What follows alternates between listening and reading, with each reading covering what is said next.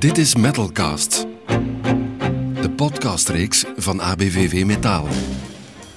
De coronacrisis treft iedereen. Maar wie in armoede leeft of geen of precair werk heeft, voelt de crisis nog veel harder. De activiteitsgraden onder mensen met een lage scholing zit al 40 jaar lang eh, ongeveer op 40% van de bevolking. Dus dat wil zeggen dat meer dan de helft van de mensen met een lage scholing heeft geen werk. Het is vaak ook zo dat ze bijvoorbeeld zeggen ah, je moet die aantal prestaties halen. Haal jij die niet of ben jij te veel ziek? Ja, dan nemen wij gewoon andere interimmers. ABVV Metaal sprak voor deze podcast met professor Bea Cantillon over de toenemende armoede bij mensen die de weg niet vinden naar de arbeidsmarkt. Je hoort ook VUB-onderzoekers Kim Bosmans en Jessie Gevaert. Zij doen onderzoek naar de impact van onzeker werk op de gezondheid van uitzendkrachten en zelfstandigen.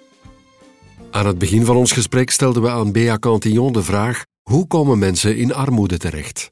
Het heeft te maken met economische veranderingen de steeds snellere omvorming van onze economie naar een digitale economie. Met ja, een grote technologische revolutie die voor gevolg heeft dat mensen met een lage scholing minder aan de bak komen, omdat zij economisch minder bruikbaar zijn geworden, als ik het zo ongenuanceerd mag zeggen.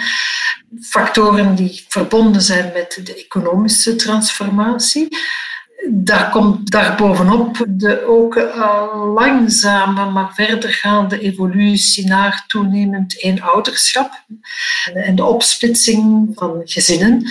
Dat is een tweede factor. En dan is er een derde factor die uh, te maken heeft met de migratie groeiende migratie, dus ook een instroom van mensen die vaak ook laag geschoold zijn en eh, mensen die dus moeilijker toegang vinden tot de arbeidsmarkt. En dus dat profiel, ehm, ja, dat is een profiel dat we reeds eh, verschillende decennia optekenen. En dan is er tenslotte het beleid en de sociale zekerheid. Sociale zekerheid die minder beschermend is geworden voor deze groepen. En het is niet zo dat de sociale zekerheid goedkoper is geworden. Integendeel, de sociale zekerheid is steeds maar duurder geworden. Um, maar de bescherming voor de mensen aan, aan, de onderkant die is duidelijk minder goed dan pakweg uh, tien jaar geleden.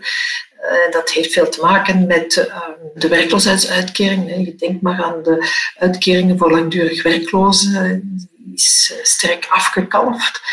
Um, en ja, mensen die dan moeten terugvallen op het leefloon, daar weten we allemaal dat uh, die leeflonen onvoldoende zijn om rond te komen. Ik woon samen met twee broers, één zus en mijn twee ouders. Mijn papa die was, ja, die werkt, maar die was even werkloos. Daarmee moeten wij dus ja, samen voor zes en dan nog honden en katten uh, eten kopen. Als ik nu één ding kan wensen voor mijn gezin, dan is het iets meer geld. Want ons eten is ook bijna op en met dat geld zouden we dan eten kunnen kopen. Uit het onderzoek van Jessie Gevaert en Kim Bosmans komt naar voren dat de adder bij precaire arbeid in de flexibilisering van de arbeidsmarkt zit. U hoort eerst Jessie en daarna Kim aan het woord. Vaak spreken wij daar eigenlijk beginnend vanaf de periode vlak na de Tweede Wereldoorlog. En, en, waarom dan? Dat is eigenlijk omdat er toen een, een soort van standaard tewerkstellingsmodel was ontstaan, dat eigenlijk als de dominante vorm werd beschouwd om, om arbeid te organiseren in de, in de geïndustrialiseerde wereld. Nu, dat ging vaak over voltijds uh, betaalde arbeid onder een contract van uh, onbepaalde duur. Nu, na een decennia aan, succes eigenlijk, lijkt tegen het einde van de 20e eeuw dat, dat standaardcontract um, aan belang te verliezen. En dat zien we eigenlijk in, in heel Europa. Nu, dat vertaalt zich naar een, een afname in uh, promotiemogelijkheden, uh, jobzekerheid en ook minder kansen voor training voor bepaalde groepen. Dat betekent dus eigenlijk een vorm van non-standaard werk dat daar uh, de opmars vindt. En dat gaat dan over die tijdelijke contracten, over zelfstandigen in onderaanneming en dat soort dingen. Ik moet zeggen, in België neemt tijdelijke arbeid nog geen grote proporties aan. Um, en ja, gelukkig volgens ons. Maar we zien eigenlijk toch dat in België, als je dat vergelijkt met andere Europese landen, dat wij een van de landen zijn met toch het meeste interimwerk. Dat gaat dan misschien maar over 3%. Maar het blijkt toch wel een belangrijke component te zijn. En het is denk ik wel een, trend dat zogezegd gestimuleerd wordt, die flexibilisering. Maar wij zien dat dat eigenlijk vaak te pas en te onpas wordt gebruikt of zelfs misbruikt. Zo zijn er van die bedrijven die gebruik maken van heel erg veel interimmers. Zogezegd om pieken op te vangen, om vaste werknemers te vervangen. Maar dat klopt dan niet, want in de praktijk zie je daar dan zoveel interim werknemers aan het werk en ja, in die hoeveelheden kan het gewoon niet dat dat onder die motieven gebeurt. En dat zijn allemaal ja, grijze zones, want het is moeilijk te bewijzen. En ja, op die manier wordt volgens ons wel, wel flexibele arbeid misbruikt. En dat vinden wij wel problematisch. Want wie onvrijwillig in een stelsel van onzekere en tijdelijke arbeid zit, leidt vaker onder een slechte fysieke en mentale gezondheid, leggen Jesse en Kim uit. We hebben echt zo die die low road van flexibilisering met eigenlijk contracten waarbij non-standaard werkstelling gepaard gaat met heel weinig extra legale voordelen, een gebrek aan training, weinig vertegenwoordiging en betrokkenheid. Um, we noemen dat onhoudbaar precair werk in ons onderzoek, als dat gepaard gaat met weinig uren ook en een laag inkomen. Of intensief precair werk, als dat juist gaat over heel intens werk met veel uren en heel veel onvoorspelbaarheid. Ook bij zelfstandigen vind je dat terug. Zelfstandigen zonder personeel die moeilijk nieuwe klanten vinden, die zelfstandig zijn geworden uit noodzaak. En daar zien we inderdaad dat dus die gezondheidseffecten en zo heel slecht zijn. Maar ook dat dat eigenlijk vaak voortkomt uit een soort van onvrijwilligheid. En dus eigenlijk een vorm van misbruik van die soort contracten. En, ik denk dat daar wel echt het probleem zit. Want we zien dan ook een high-road vorm van flexibilisering waarbij eigenlijk een vast contract en een goed inkomen ook gepaard gaat met heel flexibele uren en, en flexibele manieren van werken. Maar daar zien we dan eigenlijk best um, goede uitkomsten op vlak van gezondheid en welzijn. Dus het is daar echt een beetje die, die balans tussen een soort van vrijwilligheid om voor die flexibele contracten uh, te kiezen bij de werknemers um, en een soort van oplegging aan de andere kant. In uitzendarbeid zien we zeker in die lager geschoolde beroepen ik denk dan aan, aan grote ja, fabrieken waar dat werknemers zogezegd makkelijker vervangbaar zijn. Ja, dat het daar moeilijker is. Want uh, daar hebben eigenlijk interimwerknemers vaak niet, niet de, de macht of, of ja, niet de, de, skills, niet de vaardigheden die echt gewild zijn of die unieker zijn op de arbeidsmarkt. Waardoor dat ze ook gemakkelijker aan de kant worden geschoven. Hè? Het is vaak ook zo dat ze bijvoorbeeld zeggen ah, je moet die aantal prestaties halen. Haal jij die niet of ben jij te veel ziek? Ja, dan nemen wij gewoon andere interimmers. Ik heb al heel erg veel verhalen gehoord die mij echt wel hebben aangegrepen. Zoiets algemeen dat ik zie is dat heel veel uitzendkrachten echt hun uiterste best altijd doen om een vast contract binnen te halen. En dan telkens gefrustreerd raken als dat niet lukt. En vaak wordt hen dat ook beloofd, maar dan krijgen ze dat niet. En als dat echt blijft aanslepen, die, en dan raken mensen echt gefrustreerd, beginnen ze ook aan zichzelf te twijfelen. En dat weegt op je mentale gezondheid die voelen zich echt wel een wegwerpproduct. En dat is echt iets dat, dat vaak voorkomt. De coronacrisis maakt de situatie voor werklozen en werknemers in precaire banen nog onzekerder. De komende maanden zullen we een grote stijging zien in de werkloosheid bij laaggeschoolden, zegt Bea Cantillon. Op de armoede is het nog te vroeg, daar hebben we nog geen, geen cijfers over.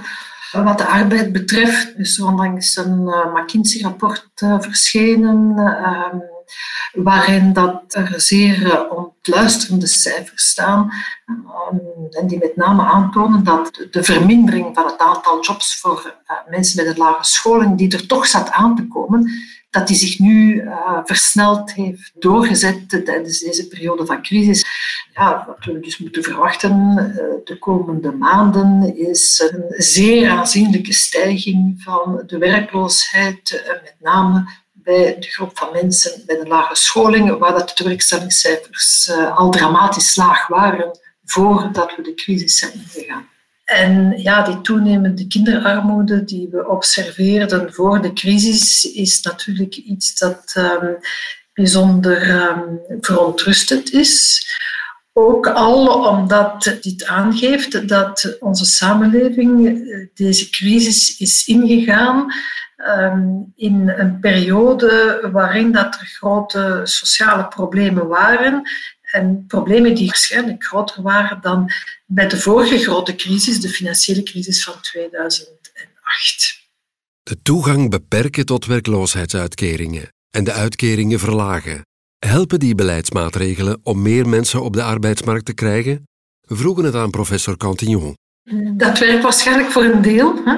maar de prijs die we daarvoor betaalden is toenemende armoede voor degenen die dan toch de weg niet vinden naar die arbeidsmarkt. Dus al ligt dat, dat de activering heeft ongetwijfeld ehm, de tewerkstelling eh, verhoogd. Maar eh, als we kijken naar de groep van mensen met een lage scholing, daar zien we geen enkel effect van, eh, van het activeringsbeleid. De activiteitsgraden onder mensen met een lage scholing zit al 40 jaar lang ongeveer op 40% van de bevolking. Dus dat wil zeggen dat meer dan de helft van de mensen met een lage scholing heeft geen werk. Corona legt de vinger op de wonden van systeemfouten in onze arbeidsmarkt. Zo klonk de kop van het opiniestuk van onderzoekers Kim Bosmans en Jessie Gevaert in het voorjaar in Knak. Kim legt uit wat ze daarmee bedoelen. Wat dat wij eigenlijk zien, is dat die ongelijkheden nog een keer extra in de verf worden gezet door corona. Als we naar de arbeidsmarkt kijken, zien we dat groepen die het vaker al slechter hebben, eigenlijk door corona het hardst getroffen worden. Ik denk aan mensen in de zorg die vaak onderbetaald zijn voor het zware werk dat ze toch moeten verrichten. Ook risicovol eigenlijk. Uh, flexibele uren. Of denk aan magaziniers of mensen die in winkels werken. Ook vaak jobs, flexibele uren, flexibele contracten. Maar dat zijn wel essentiële jobs, hoe dat we het nu altijd noemen de laatste tijd waardoor dat ze ook tijdens corona moesten doorwerken en ook wel weer kans meer maken om het virus op te lopen. En in extremis kunnen we ook verwijzen naar die uitbraken van het coronavirus in de textielindustrie, vleesindustrie, tuinbouw, niet enkel in België, maar ook op andere plaatsen, waar dat veel precaire werknemers werken, vaak gedetacheerden uit het buitenland, ja, in erbarmelijke omstandigheden voor een heel erg laag loon. En ja, die mensen die daarop in moeten werken, waar geen veiligheidsmaatregelen worden getroffen, ja, natuurlijk dat die ook weer de dupe zijn, nog extra de dupe zijn van corona. Wat dat wij zien is, is dat ons arbeidsmarktsysteem uh, op een manier geregeld is die vooral gericht was op mensen met een vast contract. Bijvoorbeeld de manier waarop dat die uitkeringen berekend worden. Er wordt echt geen rekening gehouden, of weinig rekening gehouden, met mensen die in een flexibel contract hebben of een flexibele carrière hebben. En dat terwijl het dominante discours eigenlijk is dat we allemaal zogezegd competitief en flexibel moeten gaan zijn. En ook die pijnpunten die worden extra duidelijk in de verf gezet door die coronacrisis. En ik kan hier weer eens naar die uitzendkrachten verwijzen. Want ja, zij zijn eigenlijk degene die weer het eerst afgedankt worden tijdens crisissen. En dan hebben ze een dagcontract, een dagcontract of een weekcontract. Dat wordt dan gewoon niet verlengd. Dus dat is eigenlijk geen ontslag. Het is, het is vrij makkelijk om, om die mensen ja, niet te ontslaan. Maar ja, ze hebben dan geen werk meer. En bovendien is het eigenlijk heel moeilijk om terug een job te vinden. En dan vallen ze terug op die werkloosheidsuitkering. Maar hier is weer het probleem. Ehm, de hoogte van die uitkering ja, die hangt ervan af hoeveel dat een werknemer heeft bijgedragen aan de sociale zekerheid onder de vorm van betaalde arbeid. Die mensen die worden vaak geconfronteerd met flexibele carrières. Soms een paar dagen geen werk, soms een paar weken geen werk. En ze dreigen eigenlijk terug te vallen op een lagere uitkering. En op die manier is ons systeem dus niet aangepast aan die flexibele werknemers. Dus ons pleidooi is eigenlijk een beetje ja, hetzelfde wat dat de Bea Cantillon dan zegt, van zeker en vast niet in die uitkeringen gaan snoeien, maar er juist voor zorgen dat de sociale zekerheid ook beter afgestemd is op die flexibele vormen van arbeid, dat zij niet uh, benadeeld worden. Het aantal kinderen dat in armoede opgroeit stijgt in Vlaanderen al 15 jaar op rij. Volgens de meest recente cijfers van Kind en Gezin leeft 14% van de kinderen in armoede hier. Ondanks alle overheidsmaatregelen rond werk en armoede blijft het cijfer onveranderd. 60% van de laaggeschoolden heeft geen werk, met het risico om in de armoede te raken. De crisis zal dat cijfer nog verhogen. Is er dan geen uitweg voor hen? vroegen we aan Bea Cantillon.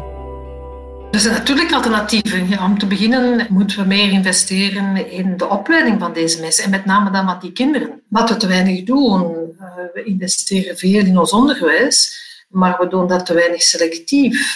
we moeten de scholen die les moeten geven aan, aan wat we dan noemen aan doelgroep kinderen, die moeten we gewoon meer ondersteunen. Ehm, het tweede is natuurlijk eh, jobs creëren. En er is natuurlijk heel veel zinvolle arbeid die nu niet wordt ontwikkeld, niet wordt opgenomen. En dan denk ik gewoon aan heel de sector van de sociale economie, waar dat er wachtlijsten zijn. Mensen die dus door de VDAB toegang verkrijgen tot een job in de sociale economie, maar dat gewoon uh, niet binnengeraken omdat de jobs er niet zijn. En waarom zijn de jobs daar niet? Niet omdat die sociale economiebedrijven dat niet zouden kunnen of niet zouden willen, maar omdat de subsidies er gewoon niet zijn. Dus er zijn heel wat mogelijkheden. We hebben dat trouwens gezien met de dienstenchecks. Daar uh, is men er toch in geslaagd om heel wat jobs voor mensen met een lage scholing te creëren. Natuurlijk, de sociale economie in zekere zin uh, vindt zijn oorsprong bij ja, wat men toen noemde de beschutte werkplaats, voor inderdaad voor mensen met een beperking. Maar dat is de, de voorbije jaren, ook decennia, is dat langzaamaan uitgebreid met jobs voor mensen die niet op de reguliere arbeidsmarkt kunnen meedraaien. De, heel die sociale economie die heeft een grote ontwikkeling gekend. Denk bijvoorbeeld aan de kringloopwinkels. En dan heeft men een volgende stap gezet, namelijk die sociale economie en die beschutte werkplaatsen. De werkstelling via de sociale economie voor mensen die niet mee kunnen in de reguliere arbeidsmarkt aan de ene kant. En aan de andere kant mensen met een uh, fysieke of een, of een psychische beperking. Daar staat natuurlijk een maatschappelijke kost tegenover. Maar ja, dat is uh, de prijs die we als samenleving moeten betalen als we het ernstig nemen met eh, die doelstelling om armoede te verminderen. Dat de huidige overheidsmaatregelen niet altijd het gewenste effect hebben, beamen onderzoekers Jesse en Kim. Ik wou misschien nog heel eventjes inpikken op Bea Cantillon, om eigenlijk een soort van activeringspolitiek, noem ik dat, waarbij ze mensen proberen aanzetten tot werk wanneer ze in de werkloosheid zitten. En ik wil daar toch een kanttekening bij plaatsen dat, dat, dat daar heel voorzichtig mee moet omgegaan worden. Ehm, ik, ken dan het verhaal van de zelfstandigen. De springplank voor zelfstandigen noemt dat hier bijvoorbeeld in België, waarbij mensen die momenteel op werkloosheid staan, uh, fiscaal ondersteund worden om zelfstandig te worden. Dat zijn praktijken waar ook al heel veel negatieve kanten uh, van zijn aangetoond. En, en, dat is ook een beetje waarmee in Nederland nu het ZZP-probleem mee ontstaan is. En ik denk ook op vlak van, van andere soorten werknemers, om, om ze in een bepaalde soort job te duwen om ze uit de werkloosheid te krijgen. Ik weet niet of dat, dat altijd de juiste aanpak is. Een van die ja, regels die daar zo bij, uh, die daar een beetje bij aansluit, is van die contracten voor eigenlijk mensen die moeilijk aan het werk geraken via een soort van IBO-contract of dergelijke aan het werk te zetten. En vaak zijn dat heel goede bedoelde maatregelen, waarbij een bedrijf eigenlijk minder moet betalen voor een werknemer die dan eigenlijk zogezegd niet goed aan een job geraakt en die een kans te geven. Nu, op zich vind ik dat positief, maar we zien in de praktijk, dat het veel te veel misbruikt wordt. Want uh, vaak gaan werkgevers dan die personen aannemen en na zoveel maanden dan gewoon ja, ontstaan of niet meer verlengen. En ja, dat is het probleem. Als die elke keer worden vervangen door opnieuw mensen die zogezegd moeilijk aan het werk geraken, wordt het eigenlijk gewoon gebruikt als goedkope arbeid. En dat mag niet. De lage werkloosheidsgraad, hoge armoedecijfers, toenemende vergrijzing. Kleine ingrepen volstaan niet meer. Volgens Bea Cantillon kunnen we niet verder met de politieke agenda's van het verleden en moeten we naar een nieuw sociaal pact. Eigenlijk een sociaal pact kun je alleen maar maken rond eh, wezenlijke zaken waar dat iedereen het over eens is. Maar waar dat je geen vooruitgang kan boeken omdat je in een systeem zit dat op routine werkt. En dan denk ik dat er drie zaken duidelijk naar voren komen. Dat is één, ehm, de ecologische kwestie. Wij moeten die transitie maken naar een duurzame economie. En ik denk dat iedereen het daarover eens is. Je moet dan van echt heel slecht wil zijn om dat niet te zien. Het tweede element is eh, de tewerkstelling van lage scholen. Daar is er ook een grote consensus om te zeggen, dit is een probleem. Het was al een probleem voor de crisis en het gaat na de crisis alleen maar erger worden. Niemand heeft daar belang bij dat er 60% van de lage scholen geen job hebben. Dat kost geld, werkloosheidsuitkeringen, minder inkomsten van de belastingen, mensen die geen koopkracht hebben, die dus niet kunnen meedraaien in die economie, en mensen die bovendien niet in staat zijn om de ecologische kosten te dragen. Denk aan de gilets jaunes. Dat zijn die mensen. Niemand heeft daar belang bij. Dus er bestaat een consensus. En dan het derde is natuurlijk de vergrijzing. En de vraag hoe dat we de vergrijzingskost gaan verdelen tussen jongeren en ouderen en binnen de groep van de ouderen zelf.